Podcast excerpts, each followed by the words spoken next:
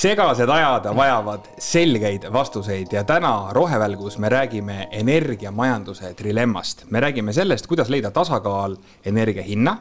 julgeoleku ning keskkonnamõjude vahel ja selleks on meil Rohevälgu stuudios Arvi Hamburg, Eesti Teaduste Akadeemia energeetikakomisjoni esimees.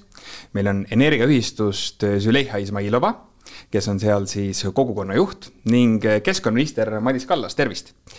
ja kõik need kolm teemat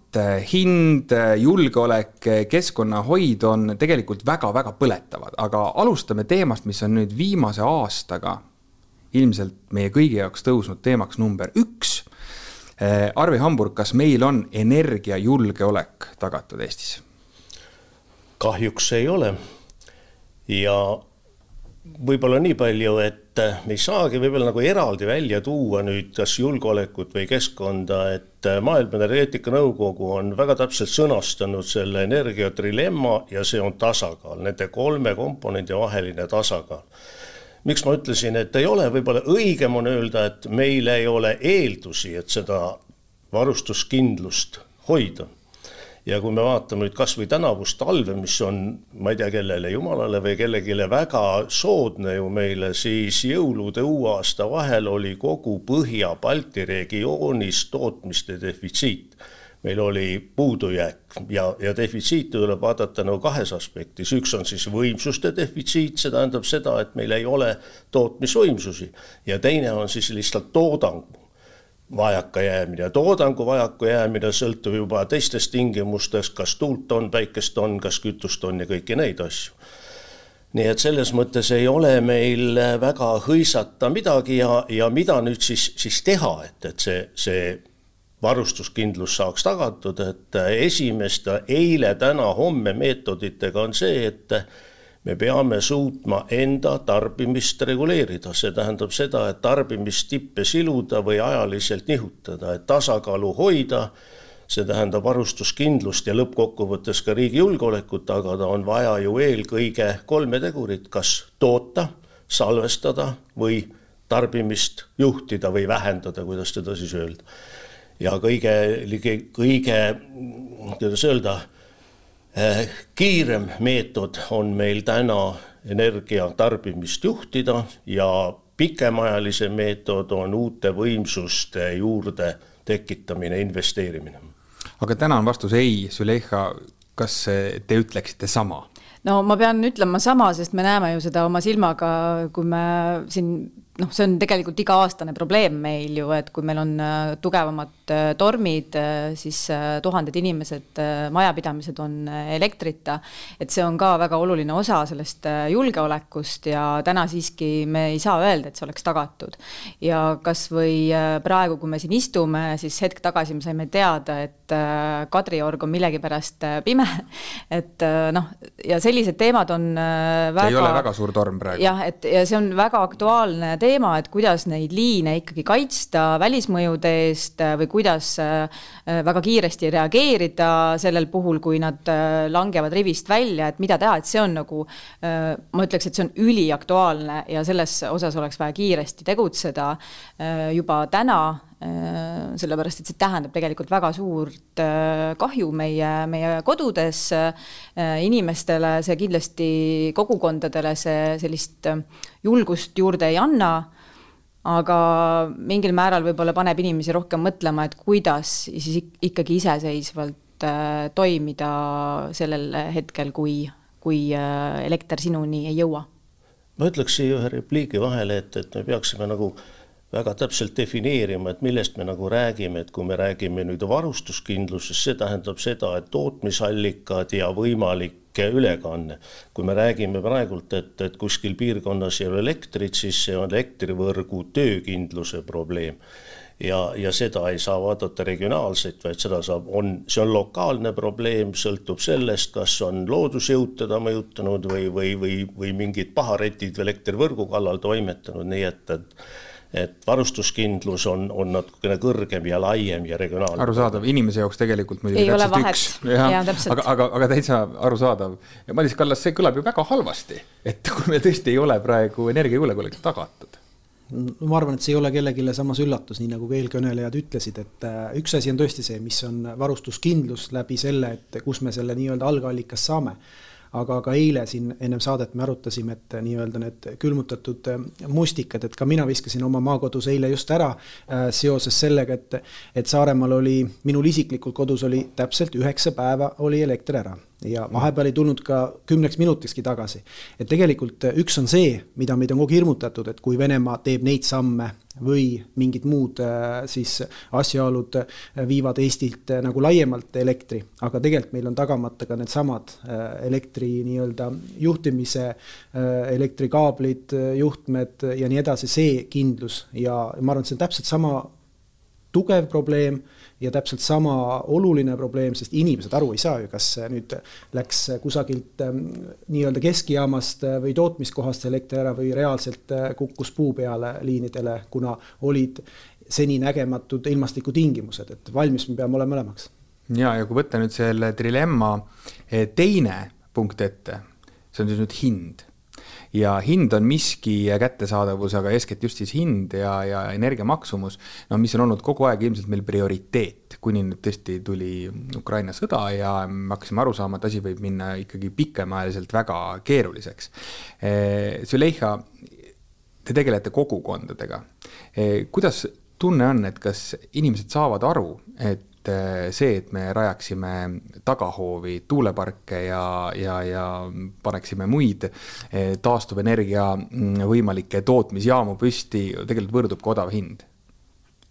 Ma pean kahjuks tunnistama, et, äh, mulle tundub, et see ei ole veel päris seal, kus me peaksime olema, et on, suur osa inimesi on väga teadlikud juba sellest, et, et taastuvenergia on odavam ja selle, nende võimekuste rajamiseks äh, tuleb hoogu juurde anda, aga ma kipun nagu nägema ka ikkagi seda ka, seda vastumeelsust just, et see tagahoovi küsimus, et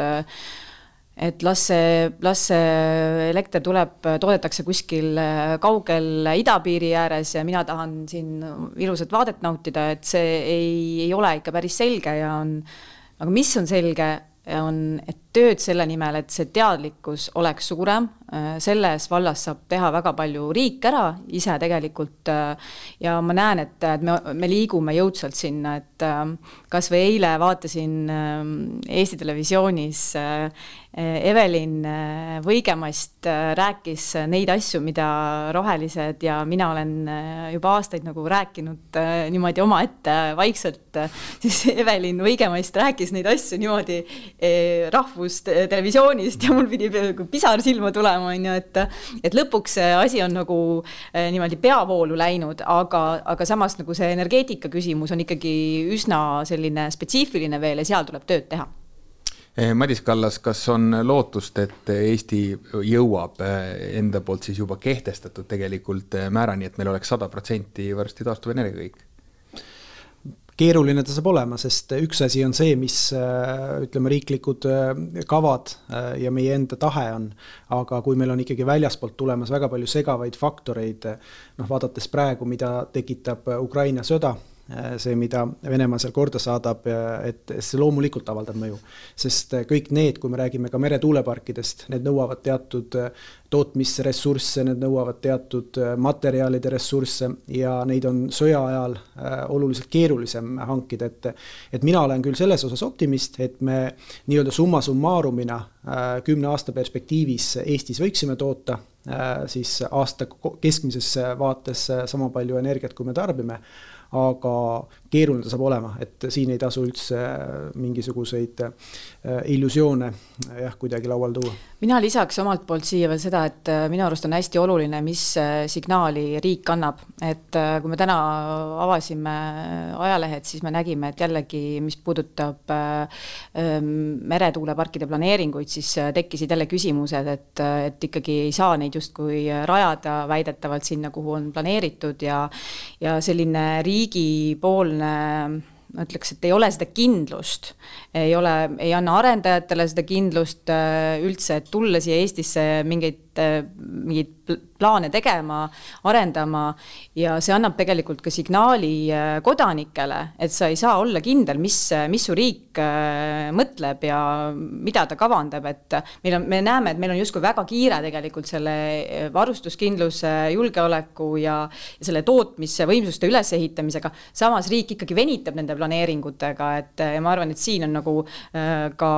ka keskkonnaministril on väga oluline roll leida just nimelt see tasakaalukoht äh, et kus me siis, kus me siis lähme, et kas me, mis on meie prioriteedid, et ma näen, et me täna peaksime siit nagu jõuliselt edasi minema. Et selle tagahoovi kohta, et eelkõige noh, mina saan niimoodi aru, et äh, kogukonna inimeste kaasamine on see, mis selle tagahoovi probleemi kindlasti leevendaks ja mis see kaasamine tähendab, tähendab siis mitte ainult mingit kompensatsiooni maksta, vaid, vaid ka oleks osanikud ja, ja, ja siis oleks ka huvi selle seadme töö korras hoidmise või, või töömahu eest. ja teine, mis puudutab nüüd hinda et eks me peame seda elektrisüsteemi ju vaatama laiemalt, et me ei saa jälle veel kord seda ühte komponenti välja võtta, varustuskindlus ilma hinnata on mõttetu jutt, eks ole, täpselt samamoodi nagu, nagu keskkond, nii et kõik nad on nagu kokku pandud. Ja kui me kõik me ju tahame, et tuleks taastuvat energiat ja teda tuleb, sõltuvalt isegi meie tahtmisest, ütleks mina niimoodi. ta kindlasti tuleb, sest see on trend, see on investeeringud, investorid on selleks valmis, pangandus on selleks valmis. aga nüüd on küsimus see, et, et kas me võime ikka Eesti rahvale väga raudselt rääkida, et tuleb väga odav elekter et sellest tuulikust võib selle elektri kilovatt-tunni hind tõesti odav tulla, aga me peame nägema seda, et see süsteem koos seisab, järelikult on meil vaja juhitavat tootmist ja järelikult on meil vaja salvestamist. Ja need kõik maksavad, kui me need nüüd juurde liidame, siis noh, see on siis see tegelik ja, ja, ja õige hind. aga neid on igal juhul vaja ja pigem ongi probleem ju selles, et kui vaatame neid kolme komponenti, siis et äh, mina olin ka ennem olin nii-öelda, ma ei taha öelda teisel pool, aga olin nii-öelda kogu, kogukonna eest siis seisja ja just vallavanemana, kui hakati tegema siis Sõrve poolsaare kõrvale äh, siis planeeringut seoses Eesti kõige suurema siis tuuleenergiaalaga. ja tegelikult äh, kogukonnad olid kaasatud, neid kaasati igal sammul, ma ise käisin noh, ma ei julge nüüd väita, et kümnetel koosolekutel, aga väga palju ja ja tegelikult ei ole küsimus tõesti rahas, ei ole küsimus väga sageli ka mingites ähm, nagu konkreetsetes mõõdetavates probleemides, vaid probleem ongi selles, et kui tahetakse teha ikkagi niivõrd massiivseid ja suuri asju nende kodu lähedale, see tekitab küsimusi, see tekitab hirmu ja siin ongi see, mida me peame siis üheskoos ära lahendama, et kuidas me saaksime teha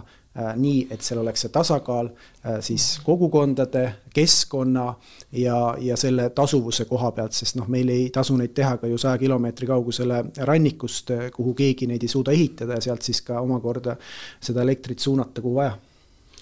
eks kõik noh, need elus on ju läbi käidud kõik sellised moodused, kuidas energeetikasse on investeeritud ja ja kas ei ole ka üks põhjus see, et, et kui me räägime meretuuleparkidest, et, et me tahame noh, teha hästi suuri ja hästi võimsad ja seal on loomulikult selle külamehe kaasamine, noh, peale koosoleku juttu ja mingi taluvustasu, noh, ega väga palju kõne alla ju ei tule, sest investor on kuskilt väljapoolt. aga äkki võtaks selle mahud natukese väiksemaks, et ta saaks ka mingeid osakuid endale sealt soetada ja, ja müüa. et äh, me oleme senini ehitanud välja elektrisüsteemi, kus on tootmispunktid kõik idas. nüüd me läheme teistpidi teise tee äärde ja ehitame elektrisüsteemi, kus tootmisallikad on kõik läänes ja, ja meres. et äh, äkki peaks ikkagi olema see hajutatud tootmine ka ikka, ikka väga päevakorral hajutatud tootmine ilmselt ongi üks põhilisi ju julgeoleku tagajaid, kas ei ole? Kindlasti, kui me vaatame praegult äh, Ukrainat, äh, miks ei ole tuumajaama ära lõhutud, järelikult isegi Vene militaarist tehnikast jääb väheseks, et tuumajaama lõhkuda, aga infrastruktuuri lõhkumine on väga lihtsa. ma ei taha öelda, kuidas Eestis on kõige lihtsam teda lõhkuda, aga ühe väikese lennukipommi äh, mahaviskamine õiges kohas tähendab noh, ma arvan, üks nädalat pimedaks olekut nii et, et see hajutatud tootmine ongi see, kus, kus me saame iseendaga hakkama. No, tuumajaama näide on selles mõttes väga halb näide, et see ei ole mitte kuidagi hajutatud äh, tootmine, et äh, miks äh, Ukrainas pole seni tuumajaama ära lõhutud, ma arvan, et ei ole mitte selles põhjus, mille Arvi välja tõi, vaid pigem on see, et et isegi see agressor Ukrainas ei ole niivõrd loll, et ta iseendale pommi alla paneks sõna otseses mõttes. aga hajutatuse kohta konkreetselt küsimus riigile, et kas on siin samme astutud selles suunas? see nüüd ei ole otseselt eh, teie ministeerium, aga siiski, et see on ju üks põhilisi asju, kuidas julgeolek tagada no eks praegu ongi tegelikult, kui me vaatame, et sisuliselt kogu Eesti tootmine käib praegu siis ida Äh, Virumaa baasil ja sealt siis meeletutes kogustes ähm, siis põlevkivi kaevandamise näol, siis nüüd me oleme toonud nii-öelda alternatiivina see, mida väga hästi välja toodi, äh, siis Lääne-Eesti saared äh, ja sealsed siis meretuulepargid, kus võiks, võiks nii-öelda elekter tulla, aga me peame kõigepealt vaatama, et mis on meil alternatiivid ja mis on meie võimalused, ega Eestis ikka väga palju ei ole, et noh, Island ei ole, Norra me ei ole Äh, ja noh, me peamegi vaatama, mis meil on, meil on tuul, mis meil on olnud äh, jah, väga suure keskkonnajalajäljega põlevkivi, mis meil on, meil on teatud siis naabrid, kes saavad meile siis äh, nii-öelda sisse müüa siis teatud elektrit, et et ma arvan, et me oleme päris hästi ära kaardistanud, millised on meile võimalused, millised on meie siis vastu nii-öelda võtlikkus. Ja siit me saamegi edasi minna, sest tegelikult see, mis tuulikuid puudutab Lääne-Eesti saartel on olnud aastasadu ju tegelikult sadu ja sadu tuulikuid, äh, lihtsalt oluliselt teises mahus, oluliselt teises äh, mõõtkavas, aga tegelikult see ei ole midagi uut ju saarte jaoks, et et needsamad pukktuulikud, äh, ükskõik mis tüüpi nad on, on tegelikult sedasama tööd ju mingil määral teinud, jah, nad ei ole sellisel kujul salvestanud, nad ei ole sellisel kujul teda võib-olla siis kusagile transportinud, aga olemuslikult on ju täpselt sama, nad toodavad energiat, millega siis jahvatati kõige tähtsamat toitu lauale et äh, kui rääkida kogukondade energiajulgeolekust ja ja sellest, et tootmine oleks äh, hajutatud, siis minu arust ei ole äh, midagi paremat kui see, et inimesed saaksidki endale ise energiat toota. aga täna me teame, mis on, mis on need takistused ja siin on jällegi, saame vaadata riigile otsa, et kuidas siis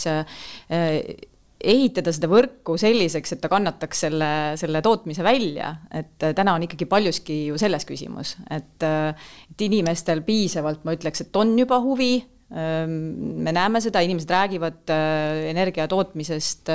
väga palju, aga, aga täna me takerdume ikkagi sellesse, et lihtsalt need, see võrk ei võimalda meil seda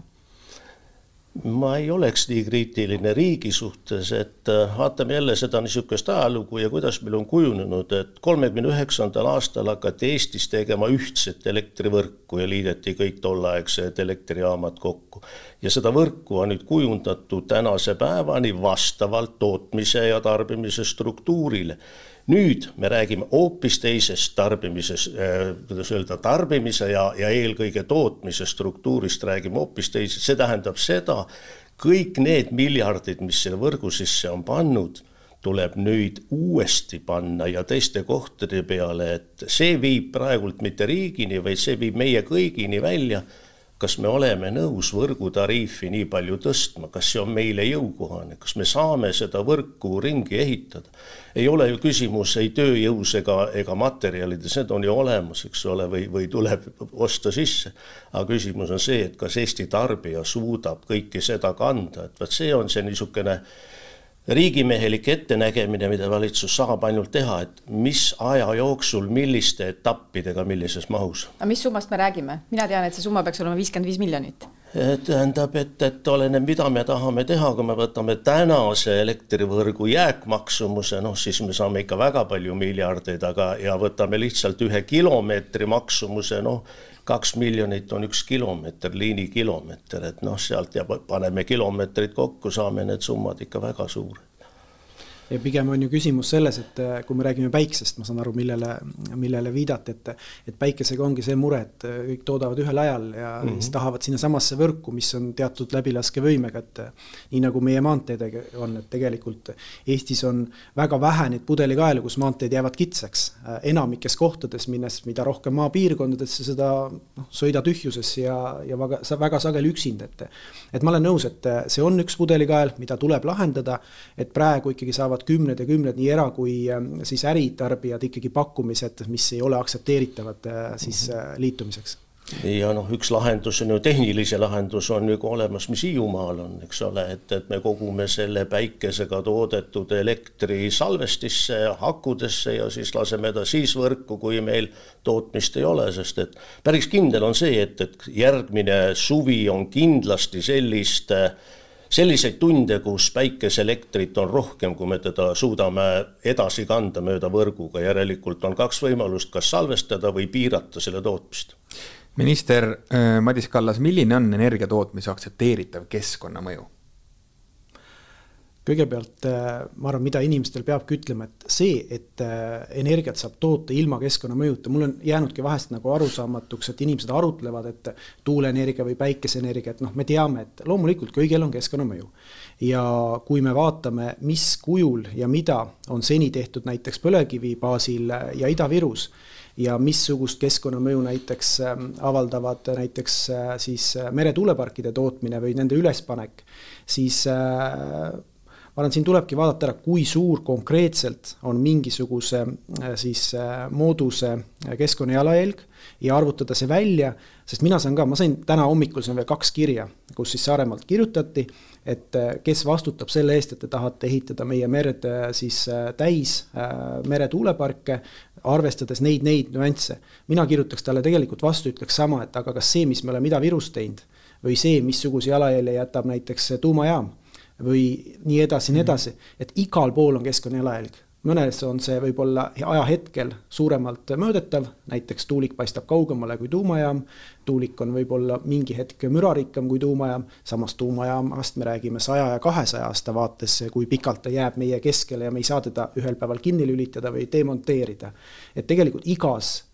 siis äh, energia tootmises on oma keskkonna jalajälg, me ei saa siin kuidagi pead liiva alla peita, aga minu hinnangul on need välja arvutatud, need on väga põhjalikult ära tõestatud, kus ta on väiksem, kus ta on suurem. Ja Eestis meil on, tuult meil on,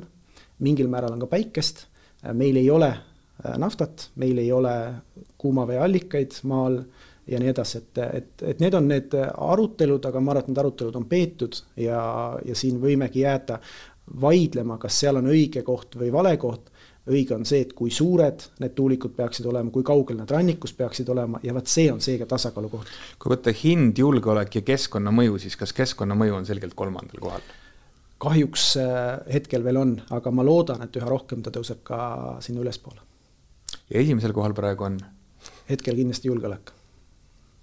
no mina omalt poolt lisaks, et äh, võib-olla äh, et kui valida, mis on siin olulisem, eks siis äh, noh, me teame ju, et ilma keskkonnata me tegelikult ei saa mitte midagi ehitada ega tarbida ega elada, et keskkonda on meil vaja hoida selleks, et me saaksimegi elada, et see on meile eluliselt vajalik. mina isegi lisaks selle juurde, et me kõik olemegi keskkond. et keskkond ei ole kuskil väljas. jah, ja, ja, ja täna me näeme tegelikult ju aina rohkem seda, et, et, et sellele süsiniku äh, emiteerimisele tuleb silt, hinnasilt kogu aeg juurde,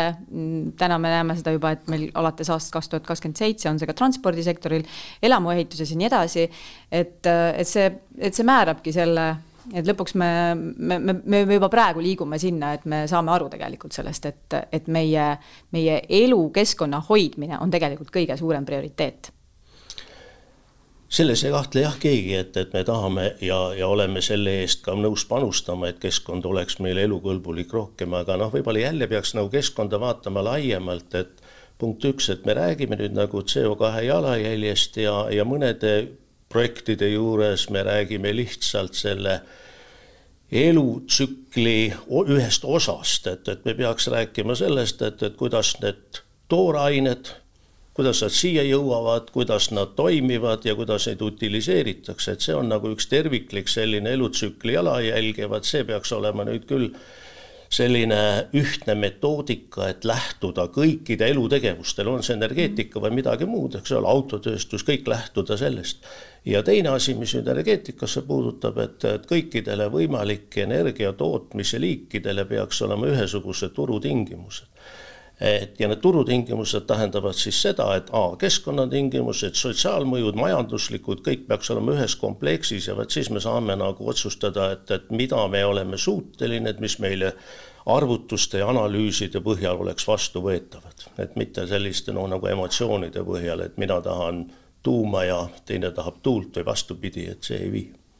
Nii rohevälk on ära välkunud oma äh, välgu siis löönud tugevasti maa sisse, loodetavasti ilma suuremate kahjudeta. ja ma arvan, et igalühel on võimalik nüüd siin edasi mõelda, mis talle rohkem kõrvu jäi, natukene rohkem juurde uurida, lugeda, vaadata. ja ma ise tõstaksin õhku võib-olla ühe sõna, mis siin ei kostunudki, aga, aga mis käis kogu aeg nagu foonina läbi, on tegelikult see, et meil on kõigega kiire meil on väga kiire sellega, et hoida keskkonda meil on väga kiire, et korda teha oma energiajulgeolek ja loomulikult me oma tasku pealt tunneme, et kiiresti tahaks saada ka hinna kontrolli alla. nii et kõigega on kiire ja varsti tulevad valimised, nii et siis survestage ka poliitikuid selle koha pealt, et, et, et, et kiiresti-kiiresti selle valdkonnaga tegeleda, sest see tõesti on nüüd see valdkond, mida räägitakse trammis, taksos,